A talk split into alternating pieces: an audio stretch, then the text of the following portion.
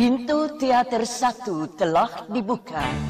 Bagi Anda yang telah memiliki karcis, silakan memasuki ruangan teater.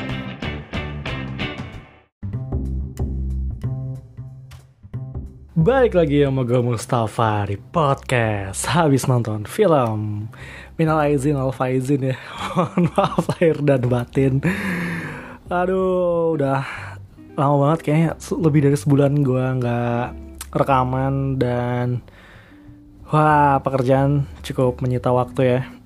Uh, Nonton ke bioskop jarang Apalagi nonton di komputer gitu. Gue beberapa film doang sempat nonton. Gue nggak update gue nonton film apa. Gue lupa satu satu film di Netflix tentang anak-anak yang berusaha menyelamatkan kotanya dari serangan alien gitu. Terus gue lupa judulnya apa. Uh, terus gue nonton Aladdin sama Godzilla terakhir. Terus gue Aladdin sama Godzilla gue ketiduran men. Bayangin. Gue Aladdin ya dengan uh, aduh sorry. Uh, aduh. Anjing gue udah gak ada mannernya lagi nih sebagai podcaster anjay. Uh, terakhir gue nonton Aladdin sama uh, Godzilla. Aladdin tuh gue ketiduran karena kayaknya gue uh, gue sedikit terganggu dengan pemeran utamanya si cowoknya itu ya nggak tahu. Gue ngerasa off aja gitu I don't know. Some people many people likes that, uh, that film tapi gue nggak. Menghibur musiknya oke. Okay. itu mungkin karena kayak musiknya gue tuh kayak ngerasa nonton uh, dongeng-dongeng film-film dongeng di TV gitu ya gue bisa ketiduran gitu. Sama halnya dengan Godzilla gitu gue epic sih gue suka pertarungannya. Ketika bertarung gue kebangun tapi ketika cerita-cerita gue ketiduran atau kayaknya gue kelelahan. Uh, beberapa kali gue ke bioskop dan kelelahan akhirnya gue ketiduran. Itu kenapa gue nggak review film Aladdin sama Godzilla karena most of the time gue ketidur. Ah nggak tahu gimana. Uh, kalian semuanya. Aduh gimana kabar kalian semua? Semoga baik-baik aja. Gue uh, gue jarang umbar-umbar tentang pekerjaan gue tapi gue kali ini sedang terlibat dalam dua film uh, project dua film yang pertama judulnya Toko Barang Mantan yang akan diperankan sama Reza Rahadian dan Marsha Timothy. Uh, filmnya ceritanya menarik banget dan akan segera produksi. Itu kenapa gue sibuknya bukan main. Anjir, anjir, anjir, anjir, sok sibuk banget. Emang, emang, emang ada yang peduli gitu kan kalian? Iya, ya gue ngerasa sangat-sangat ada yang peduli aja. Enggak sih, gue yakin uh, kalian nggak uh, kenapa-kenapa ya tanpa ada gue. Anjir, merendah, merendah, meroket, merendah, merendah, meroket. Uh, Uh, terus yang pertama itu film Toko Barang Mantan yang sutradari sama Mbak Viva Westi, penulisnya Titi Mena. It's a it's gonna be a good good movie, I promise you. Uh, terus yang film kedua judulnya 99 Nama Cinta, pemainnya masih dirahasiain siapa, uh, tunggu aja nanti press conference-nya. Sutradaranya Daniel Rifki dan yang punya ide cerita aslinya adalah Mas Gari Nugroho. Well, I'm so excited for this uh, mid year karena gue disibukkan oleh dua film yang punya kekuatan masing-masing dan punya keunikan masing-masing. Kalau kalian mau tahu apa tentang apa, nanti gue belum bisa share dulu. Uh, tunggu aja updateannya ya di media sosial berita-berita online tentang apa itu. Ya, gue terlibat dalam dua-duanya ya. Doakan aja lancar dan semoga gue bisa tetap nonton film karena satu-satunya yang merugi ya, satu-satunya yang dirugikan gitu ya ketika lo memutuskan untuk menjadi filmmaker adalah waktu menonton film lo tuh mulai berkurang gitu nggak se fleksibel dulu karena bikin film itu 24 kali 7 hari gitu 24 jam 7 hari itu full mikirin film doang coy itu tapi untuk produksi nggak mikirin tentang uh, ah gitu deh pokoknya uh, jadi gini uh, gue kemarin menyempatkan waktu untuk nonton film Ghostwriter karya Benedion yang diproduseri oleh Ernest Prakasa. Uh, film ini ceritanya merupakan uh, hasil dari workshop atau uh, kelas menulis skenario nya Ernest ya yang keliling kota yang pertama kali itu dan menghasilkan ini gitu. Yang yang gue sangat setuju dengan metode-metode kayak gitu ya. Keliling mencari ide-ide orang-orang dan ya menyaring mana yang bisa diproduksi mana yang enggak gitu. Dan terlahirlah Ghostwriter ini. Nah gimana filmnya? Uh, gue yakin yang yang denger film yang ngeklik podcast ini itu pasti udah nonton filmnya. Nggak mungkin lagi udah ngerasa ah, gue dengerin untuk nonton. Nggak nggak gue yakin lu udah nonton semua. Atau lu malah nggak nonton memutuskan untuk nggak nonton gitu. Uh, gua gua secara personal gue merasa film ini segar merasa film ini berani untuk menjadi yang berbeda gitu ya di tengah ramenya film horor tok dan drama tok uh, atau komedi aja gitu uh, Ghostwriter menggabungkan semuanya itu dan segar karena jarang ada yang film kayak gini tapi menurut gue uh, tidak maksimal. Kayak gue ngerasa uh, dan gue tapi gue sangat mengapresiasi Benedict sebagai saudara uh, debutan ini bisa bikin se, se cukup serapi ini gitu. Dan cuma gue ngerasa kayak Tatiana itu tidak di tidak diperas gitu. Kemampuan Tatiana sebagai seorang aktris itu tidak nggak nggak nggak maksimal aja. Nggak nggak yang bener-bener wah well inilah. Nah uh, komedinya oke. Okay. horor nah gue tuh gue tuh gue mungkin kalau lu yang udah denger podcast gue dari dulu ya gue tuh emang sangat susah sekali untuk ditakuti dalam film horor karena uh, horor-horor yang yang ada di kehidupan kita sebagai warga uh, Asia apalagi orang-orang timur itu kan tidak secara kontak fisik gitu. Gua gua yakin dikit banget dari kalian atau dikit banget dari kalian yang merasakan atau mengetahui cerita-cerita orang tentang misalnya disentuh pocong atau dipukul kuntilanak itu kan mungkin malah nggak ada gitu karena hantu-hantu Asia tuh nggak nyerang fisik tapi psikologi uh, apa uh, seram-seramnya tuh presence aja kehadiran aja. Dan itu menurut gue nggak deket. Gue tuh ya uh, hasil observasi gue ya takutnya kita sebagai orang uh, sebagai orang-orang Asia gitu ya beda sama uh, Amerika gitu. Amerika tuh hantunya tuh bunuh-bunuhan gitu. Kita tuh nggak ke sana kita tuh uh, lu berdiri di sini 100 meter di depan lu ada sosok putih terbang-terbang. Nah kita tuh kita tuh takut-takut yang kayak gitu. Ada api terbang itu yang membuat kita takut bukan presence megang atau bunuh apa segala macam. Nah Ghostwriter itu uh, masih kayak gitu juga yang yang gedor-gedor pintu atau apa berusaha untuk mendekati atau segala macam. Nanti kalau gue gue sih enggak enggak gue nggak takut yang gue tidak merasa takut tapi kalau horornya nah horor yang yang ya gue kalau lu pernah dengerin podcast gue lu tahu kalau mungkin yang teringat gue horor yang teringat gue yang bikin gue takut itu ada Keramat sama Bayi Ajaib. Dua film itu yang masih terngiang-ngiang sampai sekarang dan takutnya tuh uh, berhasil gitu. Sih yang horor-horor lain Indonesia kayak apa kuntilanak apa yang film-film sekarang aduh tuh nggak kenal sih sama sekali sih. Nggak ngerti sih. Uh, gitu itu soal horor. Uh, terlepas dari gua nggak bisa nonton nggak bisa ngerasakan horornya atau enggak tapi orang orang-orang banyak yang takut sih di bioskop yang berarti cukup berhasil gitu. Uh, terus um, apa horornya? Komedinya oke gue suka banget. Uh, Aco di sini mengasah kok uh, kemasan-kemasan komedi yang sangat berbeda tapi uh, tetap terasa. Ini film ini masih terasa uh, komikal. Dalam arti lain gini uh, ketika ketika cerita komedi uh, yang yang yang komedi yang ada ya yang yang yang rata-rata terjadi di film-film sekarang itu memunculkan komika komika-komika untuk membuat lucu suatu adegan.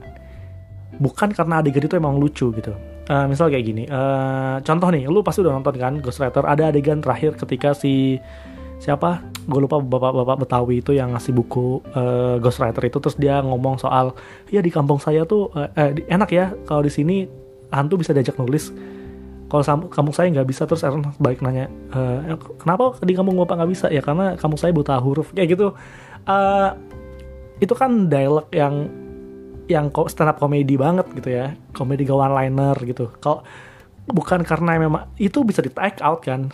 Ceritanya akan tetap jalan tapi nggak lucu. Nah bukan bukan karena memang adegan dan ke, diharuskan untuk lucu tapi itu dibuat lucu. Dan banyak banget di film ini yang kayak gitu kan yang sebenarnya nggak apa-apa. Cuma menurut gue uh, apa ya tidak terikat aja. Itu lepasan aja bisa dilepas gitu kayak.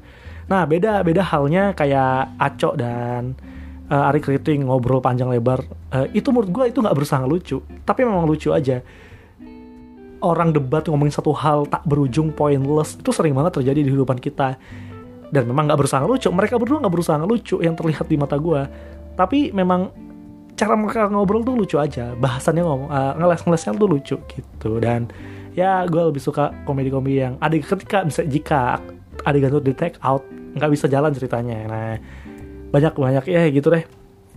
Uh, ya gitu gue gue terlepas dari komedi yang berhasil ada beberapa poin-poin minus. Kayak misalnya si guru yang jadi dukun gitu. Menurut gue hmm, agak off lah terus Erdi Afrian oke. Okay. uh, apalagi temennya ya temannya Darto itu anjing lucu banget sih. Lucu banget emang karakternya dibuat kayak gitu itu scene stealer lah setiap ada dia tuh ah menarik banget gitu. Terus ah ini uh, apa tadi gue mau ngomong ya? Banyak banget orang-orang yang ngerasa editingnya tidak rapi dan memang terasa. Uh, eh, gue nggak tahu ini ada di mana, kenapa bisa jadi terjadi seperti ini. Tapi memang editingnya patah banget, banyak yang tiba-tiba tiba-tiba di sini kayak misalnya uh, Tatiana lagi ngomongin apa, terus tiba-tiba balik ketika dia lagi ngobrol sama Deva terus balik lagi ke rumah gitu gitu patah banget kayak gue yakin banyak banget adegannya dipotong untuk ngerapiin untuk ngerasa kepanjangan terus kita potong deh. Makanya adegannya tuh terasa potongannya tuh tidak smooth gitu. Karena ada bagian-bagian yang sengaja dicepetin buru-buru banget gitu. Dan uh, eh, gue secara personal ya ngerasa kalau gue nih ketika kalau misalnya gue ditunjuk untuk meramu ceritanya gue akan pilih cerita ini uh, apa? Sudut pandangnya sudut pandang G. Bukan sudut pandang Tatiana bukan sudut pandang Sinai uh, gue pengen karena karena yang disentuh adalah tujuannya G berdamai dengan masa lalunya semasa hidup gitu ya. Bukan si Nai. Nai Nai tujuannya uh, punya tempat tinggal settle adiknya bisa sekolah tercapai pula. Uh, tapi gue lebih menarik ketika si G itu ngerasa uh, dia masih ada hutang di kehidupannya terhadap orang tuanya dan adiknya udah meninggal gitu. Rasa bersalahnya tuh masih ada dan rasa bersalah itu yang ingin dihapuskan. Nah gue gue sangat suka ketika uh, gue kalau gue lebih suka itu yang dijadiin jadiin sudut pandang gitu jadiin teropongnya itu itu. Jadi gue lebih suka kalau G yang diceritain gimana G uh, berusaha untuk mengusir Nei dan terasa terusik oleh Nei karena Nei mau mengganggu hidupnya lagi gitu sih gue gue lebih ngerasa itu. Dan uh, eh, gue berharapnya uh, tadinya si G Pamungkas itu karakternya tidak berusaha untuk nakut-nakutin sebagai hantu sih.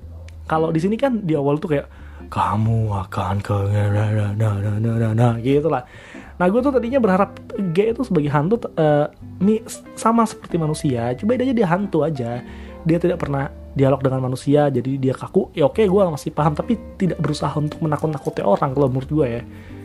Gitu dan kenapa si bening itu jadi menakut-nakutin itu gue juga. Gitu deh gue gue banyak hal yang yang rasa kayak ayah bening tuh nggak perlu kayak gini sih sebenarnya. Ketika kalau dia kesel ya dia nggak harus oh, teriak-teriak gitu. Apa harus pengen banget terasa jadi horor gitu ya. Uh, terus G Pamungkas itu tadi gue berharap Galih karakter Galih ini ya kayak manusia pada um, bukan kayak manusia representasi manusia tapi di alam kubur aja gitu di alam di alam lain aja gitu. Ngomong apa adanya gimana adanya nakut nakutin pun ya sewajarnya aja gitu. Tapi nggak trying to be malah gue ngerasa ngeliat tuh awal-awal dia tuh kayak Frankenstein gitu loh. Kayak gitu mukanya kayak gitu rambutnya kayak gitu itu kalau kanan kirinya kepala dikasih mur udah kayak Frankenstein tau lu sadar gak sih? Uh, gitu sih. Itu salge sama bening sisanya oke okay. fresh yang tadi gue bilang punya potensi banget untuk menjadi sesuatu yang bombastis gitu lebih dari ini. Tapi ngelihat ini sebuah karya debutan ini way way better gitu daripada debutan-debutan saudara lain ya way way better gitu. Tapi kalau Ernest debutannya udah cukup bagus gitu. Dan imperfect ya. Tolong kalau Ernest kalau dengerin ini imperfect itu ekspektasinya tinggi loh kita kita ini. Please kita, kami menaruh harapan sangat tinggi dan uh, jangan kecewakan gitu ya. Cie, jangan kecewakan. Reza juga main imperfect ya tadi Reza Rahadian. Ya uh, kita berharap filmnya jadi sangat-sangat bagus gitu. Terus apalagi ya? Hmm, udah ya kayaknya kayaknya itu sih gue nggak terlalu banyak. Ya ini cukup untuk mengembalikan lagi semangat gue untuk berceloteh soal film gitu ya karena uh, bikin film itu menyita waktu. Doakan aja gue bisa menyita waktu. Oke okay, uh, di segmen selanjutnya gue akan bacain komentar-komentar lo, lo semua yang udah jawab di pertanyaan gue di Instagram habis nonton film. So jangan ke mana-mana kita langsung pindah ke segmen selanjutnya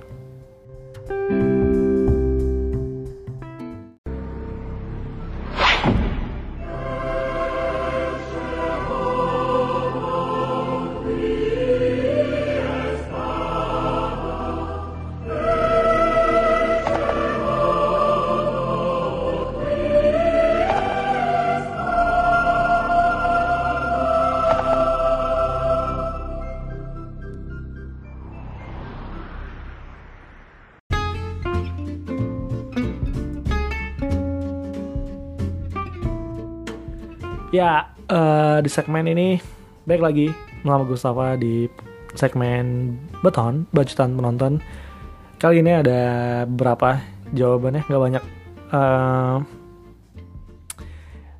kemarin gue nanya apa pendapat lo soal film Ghost Rider gitu ya ke Instagram dan ini jawabannya.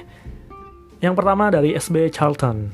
Uh, kok aku terganggu banget sama cuttingnya ya dari scene ke scene nggak smooth tapi tetap lucu. Nah, well uh, itu sama seperti orang-orang yang udah nonton yang gue temuin di real life gitu dan ngomongnya editingnya agak bermasalah gitu dan ya tetap lucu. Setuju. Sinema Linea, komedi horor terbaik Indonesia. Hmm, terbaik uh, sepanjang masa atau gimana nih? Dulu banyak banget sih film horor-horor komedi gitu. It's a good movie but not the best, I think. Sorry dari Richie Makaro, ini film konsepnya berani, unsur komedinya oke, okay, horornya pas namun terburu-buru dalam penceritaan. Setuju. Setuju Richie Makano. Dari Fani Ah, bagus bang, penempatan horor sama komedi pas. Oke. Okay. Dari Vitato, serem-serem lucu plus bikin nangis. Nah ini nih, it's a good point. Uh, banyak banget yang bilang ke gue juga dan gue baca reviewnya di Twitter atau Instagram tuh nangis film ini. Dan memang sasarannya Ernest itu bikin semua cerita apa pun, apa pun ceritanya core-nya adalah keluarga. Eh, Monster ada beda Dion ya. Eh, gua gua nggak tahu imperfect akan sama lagi sih. Gue yakin gue yakin. Kalau misalnya nggak keren sih. Karena core dari cerita itu uh, pasti bermuara ke keluarga. Dari film-film era sebelumnya dan ya gitu deh. Jadi gue tidak kaget lagi ketika nonton film ini. Oh, ngomongin hantu tapi baik lagi ke uh, apa treat treat orang tua terhadap anaknya terus rasa bersalah orang tua terhadap anaknya gitu gitu um, terus tadi gue juga saya ini gue lucu nih uh, gue gue jadi ngerasa kayak RD Arvian itu uh, satu universe gitu ya pengabdi setan sama Ghost Rider itu di satu universe yang sama gitu.